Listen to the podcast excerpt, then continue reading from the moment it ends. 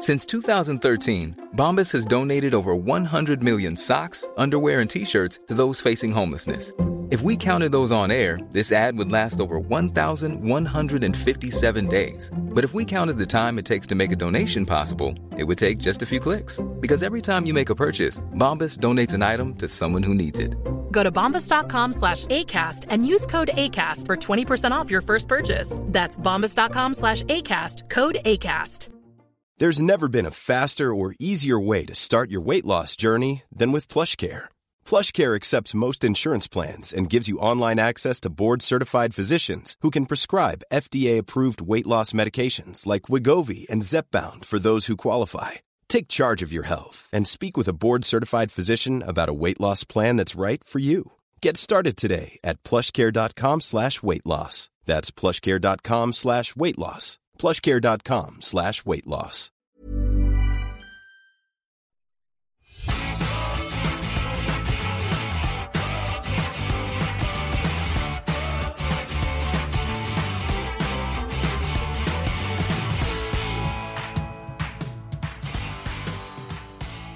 Norge og Europa står i ei energipolitisk hengemyr med Putin, klimakrise, krig og høye priser. Nå ropes det på atomkraft som medisin. Hvordan skal vi i Norge stille oss til atomkraft, egentlig? Vi har med oss energipolitisk rådgiver i Natur og Ungdom, bror Eskil Heiret, med på Teams. Velkommen. Takk skal du ha. Litt forsinkelse der, men det skal nok gå seg til. Velkommen også til deg, Jan Emlemsvåg, professor ved NTNU her i Ålesund. Ja, takk skal du ha. Heiret, la oss gå rett på sak. I en artikkel hos NRK fra januar i år, så sa du annet det her. Skal man ta historien i betraktning, er det tydelig at atomulykker har enorme konsekvenser. Fordi det i dag driftes utdaterte kjernekraftverk med lav sikkerhet, påvirker det hvordan vi vurderer industriens helhet.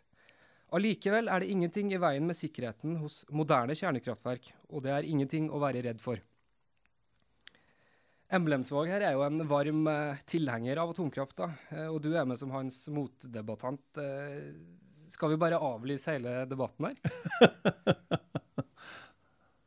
Ja, ikke sant. Uh, nei, altså Det som jeg først og fremst uh, må si, er at vi i miljøbevegelsen vi er ganske opptatt av å skille mellom moderne atomkraftteknologi mm. og den som er uh, gammel og, og utdatert. Um, først og fremst så er jeg ganske opptatt av å bruke andre argumenter enn ulykkesrisiko når jeg snakker om atomkraft. Men siden jeg blir utfordra på det her, så kan jeg jo prate litt om det. da. Jeg vet jo også at andre miljøvernere bruker dette argumentet ganske mye. Det er på en måte deres valg. Jeg tar ikke avstand fra det, men jeg velger å fokusere på, på som regel andre ting når jeg prater om atomkraft. Og Det er først og fremst fordi jeg ikke er interessert i å spre frykt om atomkraft i Norge. Mm. Først og fremst fordi jeg, ikke, jeg føler jeg ikke trenger det når det er såpass mange andre gode argumenter. Mange ganger har verden sett vitne til, vært vitne til atomulykker av ulik størrelse. Mayak i Sovjetunionen og Sellafield i England i 57, Idaho Falls USA 61, Three Island i USA 79, Tsjernobyl 86 og Fukushima 2011, for å nevne noen. Uh, altså, det å fastslå f.eks. dødsfall etter atomulykker er jo meget kontroversielt. Uh, og Vi trenger ikke ta den runden her i dag, men jeg skal gå kjapt inn på kostnadene knytta til opprydding etter Fukushima og, og, Tsjernobyl-ulykken. Vi, vi skal komme tilbake på de, de økonomiske argumentene uh, i det vide og det brede etter hvert. Vi må bare få med Emlemsvåg også litt fra start her. Uh, jeg bitt meg merke at uh, bare det siste døgnet så har du lagt ut uh, seks energipolitiske innlegg på Facebook-sida di. Mm. Og du kritiserer bl.a. der den store trua på fornybar energi som mange har. Mm. Og du kritiserer nedbygginga av atomkraft. Og når du uttaler deg, uttaler deg om atomkraft, så vekker det stor interesse. Det ser vi. Eh, vi kan f.eks. Eh, dra opp eh, et innlegg som Sunnmørsposten hadde på Facebook, der vi lenka til en artikkel med deg. Skal vi se om vi får den opp her. Der kom den. Ja, ja, ja. Sunnmøring skal utvikle kjernekraft for skip. Det blir jo sånn eh, i regionale aviser at vi vinkler jo på, på sunnmøringen gjerne, da. Ja. Eh, men her står det altså at Jan Emlensvåg mener klart og tydelig at Europa og Norge trenger kjernekraft. Dette er kjernekraft der det er fullstendig umulig å miste kontroll, sier han vedrørende nytt forskningsprosjekt. Og vi kan se at det er mange som har vært inne og, likt dette her, og kommentert og delt. Mm. Eh, hvis du skal trekke fram én ting, eh, Jan, eh, i dagens eh, atomkraftdebatt, eh, hva er det du reagerer mest på? Det er jo at vi, eh, altså enkelte vil ikke, vil ikke engang ta debatten. Det syns jeg er det tristeste. da. Da er vi i hvert fall i gang her. Ja. Jeg, altså, jeg er jo enig i mye av det han sier. da. Jeg tenker de um, generasjons to kjernekraftverkene burde ha Altså Enten man oppdaterer, og det er jo også vært gjort, da, eller så må de legges ned. Hvilken generasjon var Tsjernobyl? To. Var. Gammel to. Det er gammelt ræl vi snakker om når du sier generasjon to. Ja, ikke, ræl, da. De har jo nå oppdatert de, og de har ikke vært Der er sju sånne reaktorer, hvis jeg husker rett, fremdeles i drift. Eh, det var jo en designfeil på den eh, reaktortypen der. Eh, men dette er en gammel teknologi, og den kommer til å dø ut uansett. ja. Mm. Mm. Um, hvorfor er du så opptatt av atomkraft, egentlig? Hvorfor engasjerer det deg så voldsomt som vi ser?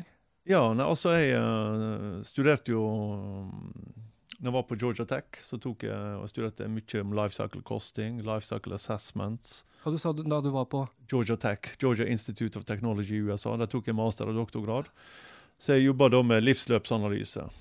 Så jeg har jo alltid vært opptatt av uh, både miljø og også um, det vi kan kalle bærekraft. da. Kom tilbake til 99, i 99 til Norge, så var det så å si ingen interesse på det. Så jeg jobba jo da i industrien i 20 år.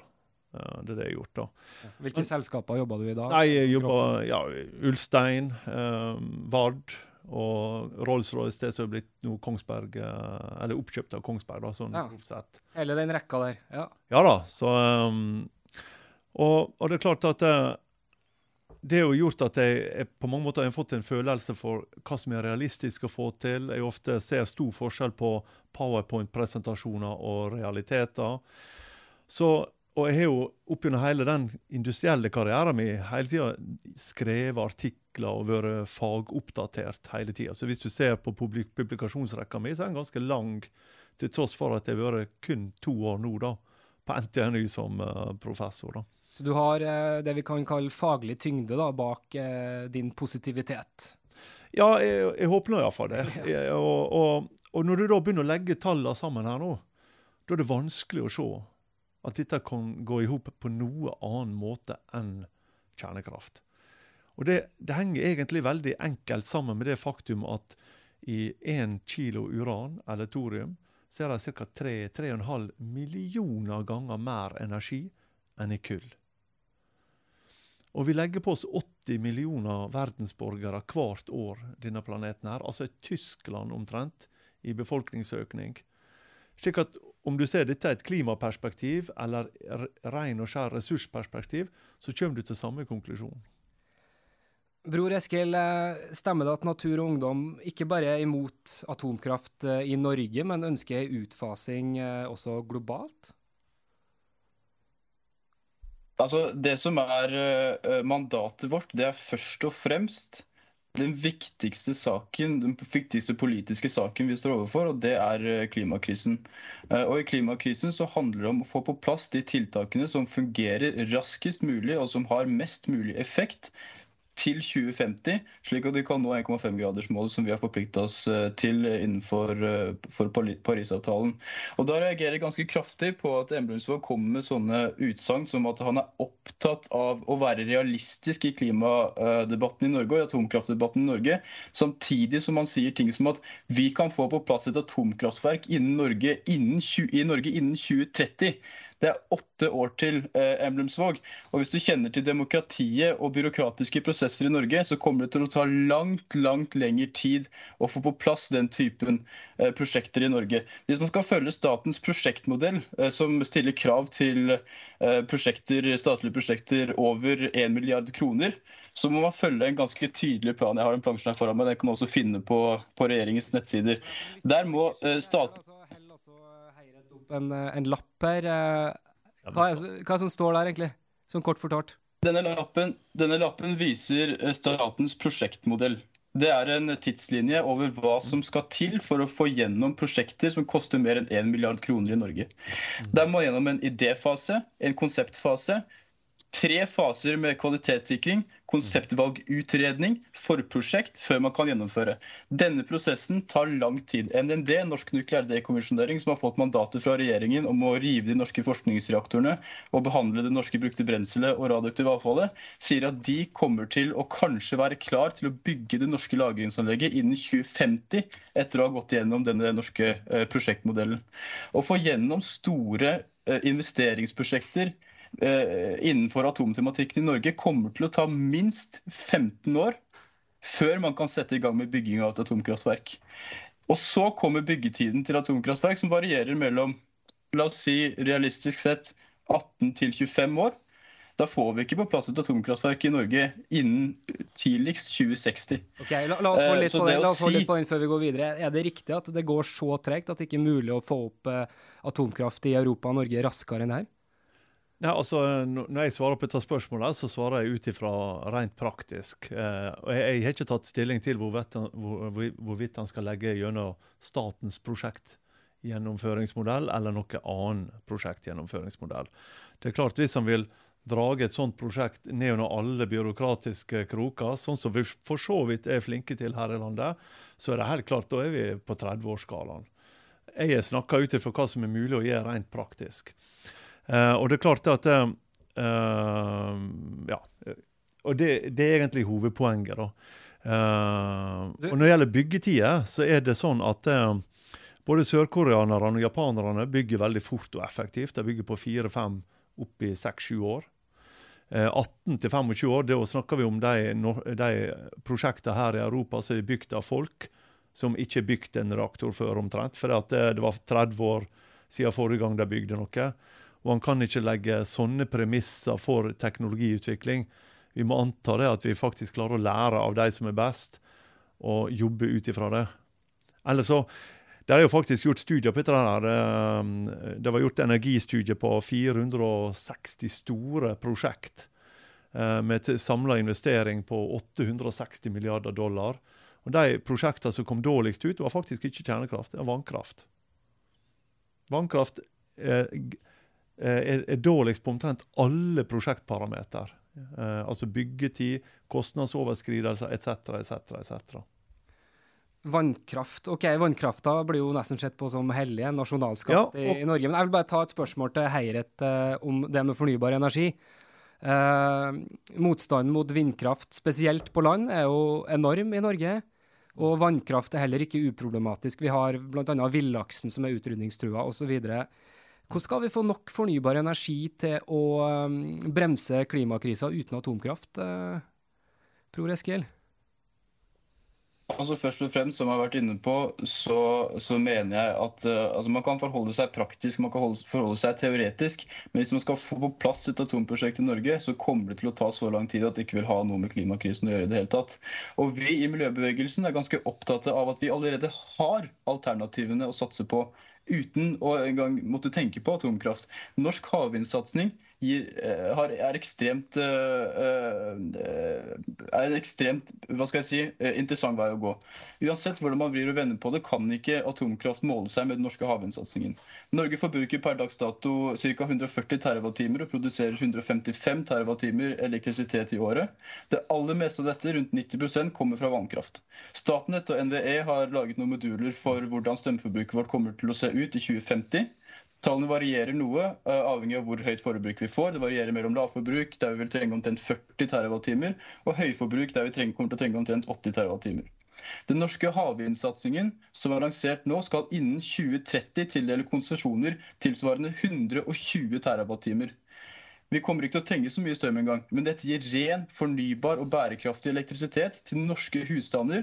Og overskuddet kan eksporteres til Europa og bidra til, til at det fremtidige europeiske kraftmarkedet uh, unngår f.eks. blackout, som et Emblemsvåg har vært opptatt av tidligere. Mm. Ja, du er veldig opptatt av blackouts. Ikke, Skal vi la han snakke litt om blackouts, bare siden du dro det opp? Uh Ja, og altså Energi er ikke energi, da, for å si det sånn. da. Energi er ikke energi. Nei. Eh, du må snakke om energi med en viss kvalitet. Og vind kommer med energi som er veldig lav kvalitet på. Og det går da på påliteligheten her nå. Og det gjør at han i praksis er nødt til å ha backup av vind i mer eller mindre klar eh, i store deler av driftsvinduet. Det gjør at hvis du ser sånn som Tyskland nå, da, som har satsa mye på vind og sol, de har i praksis dublert hele energisystemet sitt. Dublert, hva betyr det? Altså dobla opp kapasiteten. Ja. Og, og strømproduksjonen er kun økt med 5 Og da jeg sier det seg sjøl hva som skjer med kostnadene. Den andre problemet er at eh, vind og sol er såkalt ikke-synkrone energikilder. Dvs. Si at de klarer ikke å holde på spenninga og frekvensen som gjør at vi har strøm her nå. Det betyr at det er en klar begrensing på hvor mye sånn energi du kan ta inn i nettverket før du får en blackout. Pga. det så kjører de igjen da masse backup gående i parallell, men pga. politisk vedtatte preferanser på det vi kaller dispatch priority, som går på at vind og sol skal ha førsteretten til å bli solgt i griden, så endrer du opp da med I griden, hva betyr det? Altså i strømnettet. Ja. Da endrer du opp med overproduksjon. Og på toppen av det så er det, er det sånn at det er stor samvariasjon mellom veldig mange vindkraftanlegg i Europa. Og Det gjør at når det er mye vind én plass, så blåser alle, og det blir veldig mye produsert. ja. Og prisene går fullstendig i bunnen. Plutselig blir det en såkalt dunkelflaute, som tyskerne kaller det. Dvs. Si vindstille, mørkt og kaldt. Ingenting fungerer. Og Da går prisene ekstremt i taket, og da da vi har sjansen for å få en, en seriøs blackout. Ser vi på den blackouten som skjedde i Texas for eksempel, i fjor, i februar i fjor, så var den der var uh, Renewable sterkt involvert. Men Texas er jo litt spesielt, for uh, de uh, skal jo være så selvstendige og ikke ha noe big government. De er jo ikke connected, de er jo ikke forbundet til resten av USA på strømnettet. Det stemmer, men når du ser på den europeiske, så er samvariasjonen mellom værsystemene så stor at i praksis, hvis det først går ned her nå, så går det ned i stor skala. Og som han Herbert Saurug, en av de fremste uh, sånn, um, strømforsyningsekspertene, iallfall i Europa, han mener at vi kommer til å få en blackout innen fire-fem år. Hvis vi fortsetter på dagens linje. Det er ganske dramatisk. Eh, hva tenker du om det som blir sagt her, eh, bror Eskil? Jeg tenker at Det er eh, en av hovedutfordringene vi står, eh, vi står, overfor i det grønne skiftet. At vi får en type energi som er avhengig av eh, vær og vind. Men atomkraft løser ikke dette problemet uten videre, sånn som jeg opplever at det legges fram på. F.eks. i Texas. Man kunne ikke ha bygget atomkraft for å løse blackouten som skjedde i 2021, fordi atomkraftverket hadde ikke stått klart før om 10-15 år uansett. Eh, og når det kommer til den europeiske situasjonen, så er, eh, så er vårt mandat å løse klimakrisen med de tiltakene som faktisk gir resultater langt fortere enn det atomkraft kan, eh, kan tilby. I tillegg så produserer åpenbart atomkraft mye energi. Men det er ikke sånn at et atomkraftverk driftes 365 dager i året uansett. Vi ser f.eks. Eh, eksempler på dette her i Sverige akkurat nå, eh, hvor mm. sikkerhetsutfordringer ved noen av, eller vet av eh, Sveriges atomkraftverk har gjort at man måtte delvis stenge da får man også et stort energibehov. Man ser i Frankrike akkurat nå at vannstanden i elvene er så lav at de sliter med å kjøle ned reaktorene med, med vannkjøling. Det er et godt poeng. Da må man kanskje også stenge atomkraftverket i, i, Frankrike. og Da skaper man et energibehov, og, og, og, risikoen for blackout øker. Så atomkraft løser ikke dette problemet uten videre, det heller. Jeg vil uh, bare holde litt på den uh, med problemer med nedkjøling, som vi har sett i Frankrike. Ja. Og, uh, du mente at det ikke var et godt poeng. Hvorfor ikke? Nei, altså Det er jo bare en dimensjoneringssak, og der franskmennene har valgt å gjøre på den måten de har gjort. Nå har vi et firma i USA som har tolv kjernekraftverk. De kjørte 100% kapasitetsutnyttelse nå hele året gjennom den tørre sommeren i USA også. 100% uten noe problem. Så dette er dimensjonerings... Eh, det er enkel engineering. Uh, eh, 79 atomkraftverk i verden i dag bruker restvarmen som franskmennene da har valgt å kjøle ned på enkelte av dem via elv. Mens 79 bruker de til å lage ferskvann og, og, eller å varme opp byer, industrianlegg og sånne ting. det er mye mye lurere bruk av eh, restenergien enn å kaste den ut gjennom disse store skorsteinene som, som vanndamp. Så det finnes løsninger her, forteller du. Ja, ja, ja. Men det er én ting som uh, jeg har lyst til at vi går løs på, uh, som vi må, må, se på med en gang. og Det er dette med sikkerhet i forbindelse med krig. Altså, Vi ser mm. jo nå at atomkraftverk i Ukraina, samme hvor moderne, overvåka, sikre de skal være på papiret, så er de militære mål, og det sprer frykt. Mm -hmm. Hva om Norge eller eh, noen av våre allierte i Europa skulle bli angrepet i framtida, og vi har atomkraftverk? Mm. Hvor trygt er det da? Ja, altså der um, ja, altså det er klart altså Hvis de virkelig vil ødelegge et atomkraftverk, så er jo det et problem. ikke sant? Men uh, må huske på at uh, også borte i Ukraina nå, så ble jo det tatt ut stavene og lagt i sånne kjøle, kjølebasseng. Og selv om da de skulle ødelegge kjølepumpen der, og de går tørr, så får vi da et veldig lokalt problem. Dette, veldig lokalt? Hva betyr ja, det? Altså i, i rett rundt anlegget. Altså et steinkast? Ja. altså Finske Stukk, som er en av de fremste i verden på området, de uttalte jo nå, når han først begynte å skyte på Zaporizjzja-anlegget, at til og med om en atombombe hadde detonert der nede, så hadde det hatt ingen praktiske konsekvenser for Finland. Ironisk nok. Ja. Slik at det, men mitt poeng er jo det at det, lettvannsreaktorer er jo på mange måter en gammel teknologi.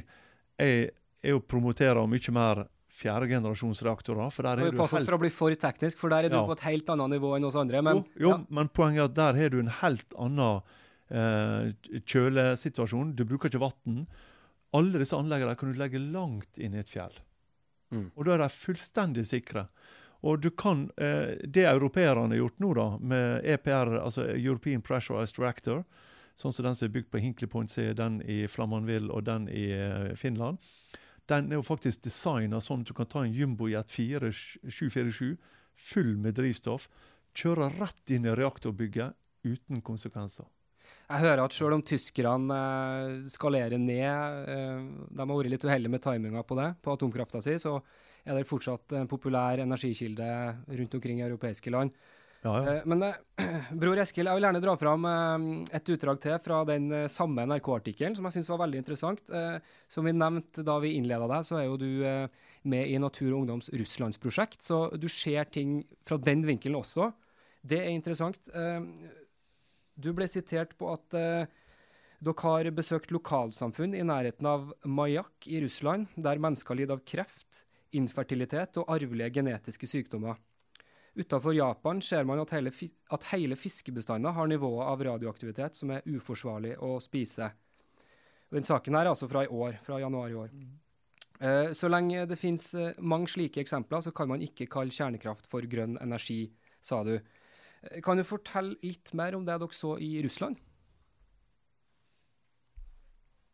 Ja, altså Først og fremst vil jeg gjerne bare kjapt kommentere det Emblemsvåg sier om generasjon 4. Eh, og jeg syns det er problematisk når eh, atomkraftforkjemperne drar inn en type teknologi som ikke ennå er tilgjengelig inn i energidebatten i Norge. Eh, kan godt hende at generasjon 4 kommer i framtiden. Kom tilbake til miljøbevegelsen når dere har noen konkrete prosjekter å vise oss, så skal vi vurdere det da. Eh, tilbake til spørsmålet eh, ditt. Som, altså Jeg jobba ikke i prosjektet på den tida, men prosjektet, eh, Russlandsprosjektet besøkte Mayak i Russland, der de driver reprosessering av brukt brensel i eh, det, det, det, russiske brukte reaktorbrenselet. Eh, og, og eh, i disse lokalsamfunnene, i disse områdene, så er det et stort problem med lokale utslipp av radioaktivt avfall. Eh, byene er rammet av kreft, infertilitet, arvelige genetiske sykdommer, og det har store lokale konsekvenser. Det er på en måte viktig å få fram, fordi det eh, eh, påvirker hvordan vi vurderer atomkraftindustrien sin helhet. Ikke bare i Russland finner man sånne eksempler. Frankrikes atomkraftselskap Orano utvinner uran i verdens fjerde fattigste land, Niger. Der ser man det samme. Der driver de eh, dagbruddsutvinning av uran i en knusktørr ørken. Eh, som gjør at eh, radioaktivt støv blåser rundt omkring i nærområdene. Kreft, infertilitet, arvelige genetiske sykdommer og tidlig død er vanlig i disse lokalsamfunnene. Dette er noe vi må snakke om. Jan, du bor ute på Emblemsvågen, vet du det? Ja, ja. Godt rota. Du har etternavnet ditt ja, da. der du kommer fra, holdt jeg på å si. Ville du ha akseptert å ha et atomkraftverk eh, ute på Emlemsvågen 27 60 13 Ålesund? Ja, altså, Jeg ville gjerne beholdt huset, da, men uh, for å si sånn, jeg har ikke hatt noe problem med å være nabo med det. og Hvis du ser bort til statene, da, der de har veldig sterk kontroll på dette, mange stater nå som faktisk konkurrerer om å få nye anlegg. For nå er det snudd der borte. Mange stater hadde jo laga veldig mye lovverk for å forhindre egentlig kjernekraft. Nå er dette snudd. altså Wyoming som nå vant uh, da uh, TerraPower sin nye reaktor, gir mange arbeidsplasser. Det gir god lokaløkonomi, og det er veldig, veldig strengt regulert. Og det er klart, Disse eksemplene som her nevnes, det er jo ikke bra. Men tilsvarende eksempel finner vi innenfor fornybarenergien. Altså Dra til Obobayan-området i Kina og se på den 11 kilo, kvadratkilometer store innsjøen med avfallsstoff fra renewable. Produksjon av rare earth elements. Altså metaller til bruk Ja, metall og mineraler. BBC laga en stor reportasje på dette her, og kalte det 'Hell on Earth'.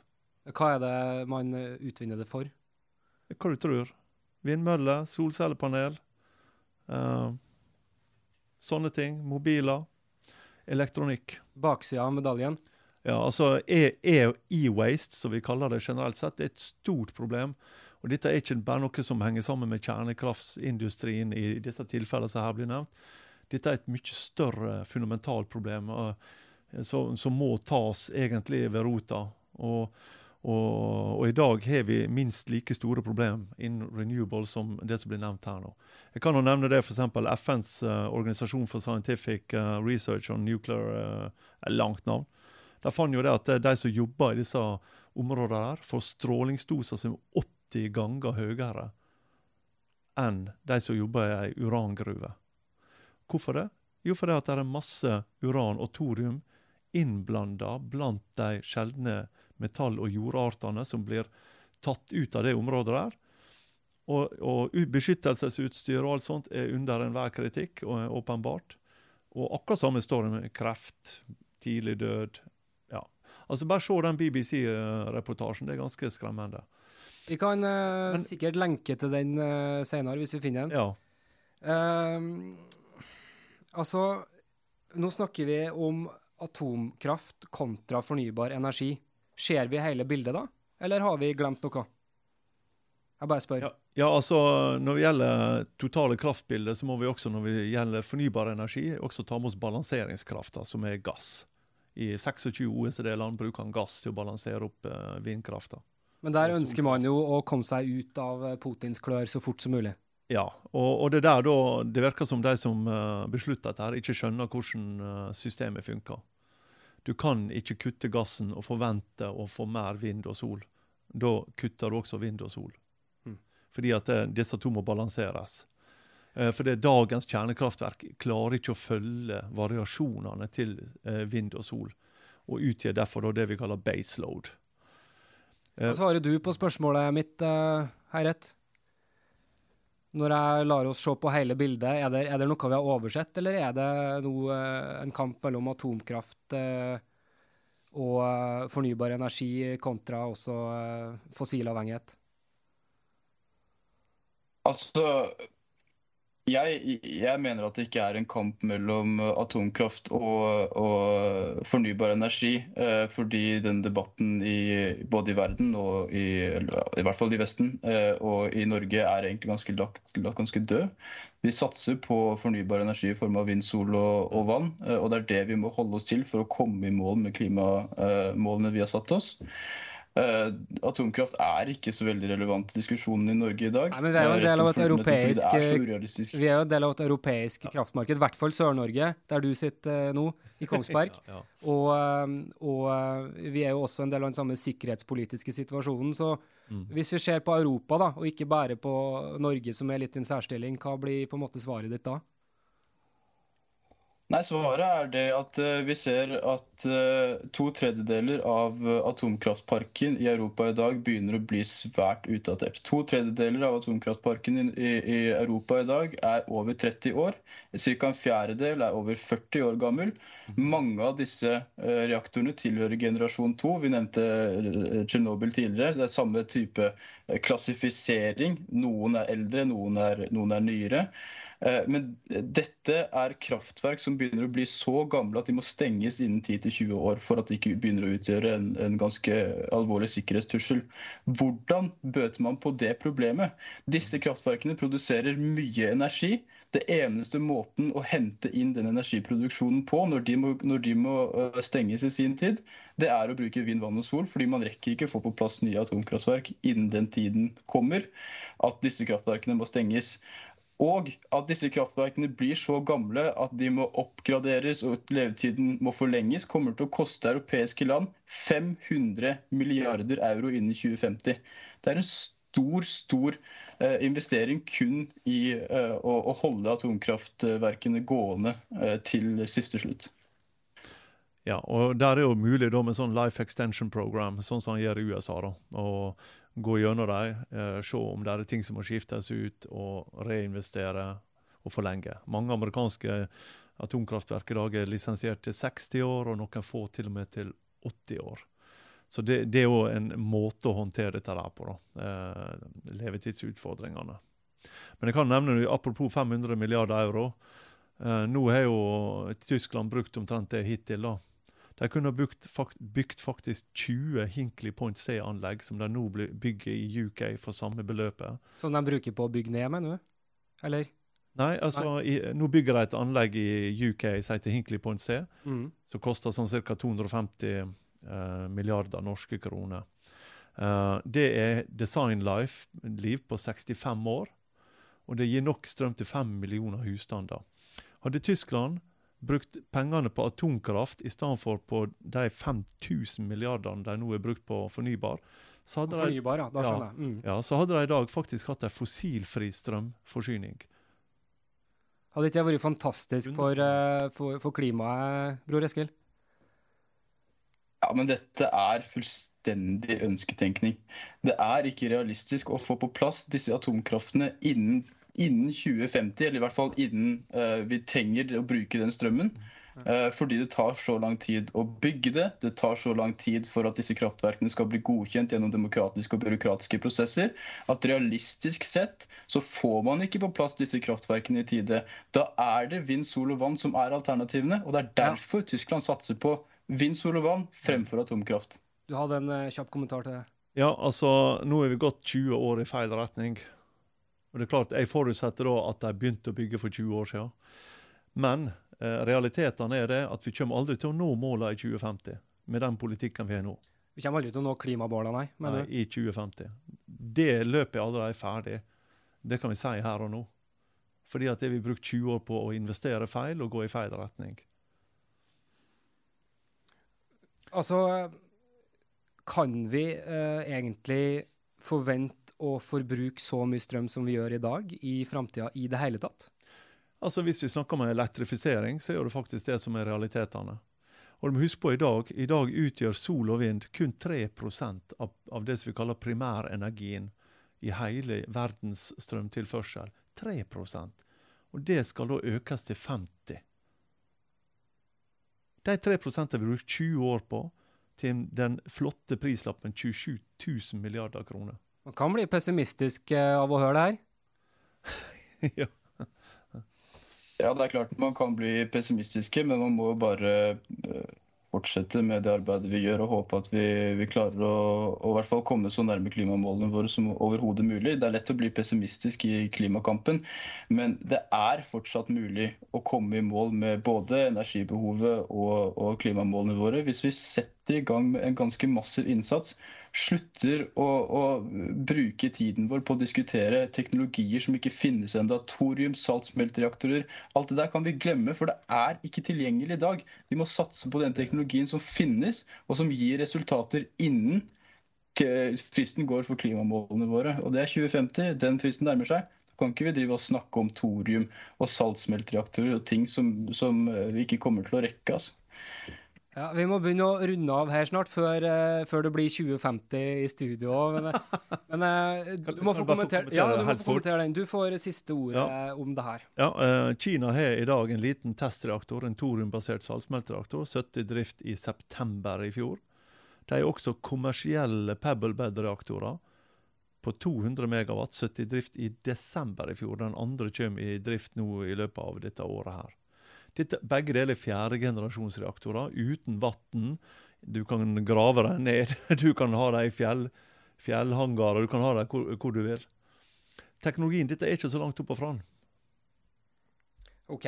Um, siden du fikk første, så fikk han siste om, uh, om uh, atomkraft generelt. Uh, vi kan jo nevne, da, før vi gir oss, at VG melder i dag. Det er jo ikke i dag når uh, du som lytter eller ser dette får med episoden, men uh, Eller kanskje det er det, hvis du er veldig rask.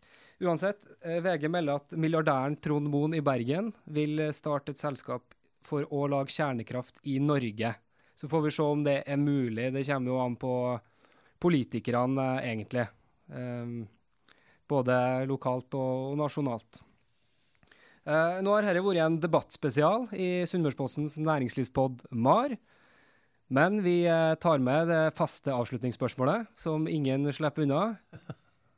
Har dere noen uh, interessante middagsplaner i nær framtid? Vil du starte?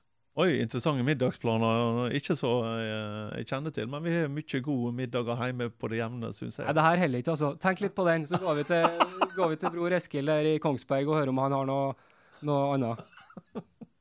Altfor ofte benytter jeg meg av uh, mine brødre i Punjab Tandoor i Oslo. Uh, beste indiske, best og billigste indiske i hele byen. Nydelig. Anbefales på det varmeste. Hva du sa dine brødre? Ja, De er ikke brødrene mine, men siden jeg heter bror, så henger den terskelen ganske lavt for å kalle også andre brødre. Nettopp. Uh, så, men det er i hvert fall trivelige karer som selger nydelig indisk. Kanskje vi får fare der da, neste gang i Oslo. Har du rukket å tenke på noe, noe som er litt mer innenfor rekkevidde her i Ålesund? Nei, eh, for å si det sånn, det, det, det som går, rører seg opp i hodet mitt, er ikke så mye i denne fronten. Det, det er mer atomkraft! det, det, du kan ikke spise thorium, vet du. Eller Nei, da. uran. Ja, eller, thorium kan du ete. Du kan faktisk spise Ja, den er faktisk så lavradioaktiv at uh, det gjør ingenting. Da fikk du inn den. Da rodde du deg såpass godt i, i, i land at uh, vi gjør et unntak og aksepterer at du ikke svarte på spørsmålet. Ja. Tusen takk, Jan Emlemsvåg og bror Eskil Herre, som var med fra Kongsberg. Debatten kommer til å rulle videre. Yes. Og takk til deg som så på eller lytta på. Vi kommer også tilbake.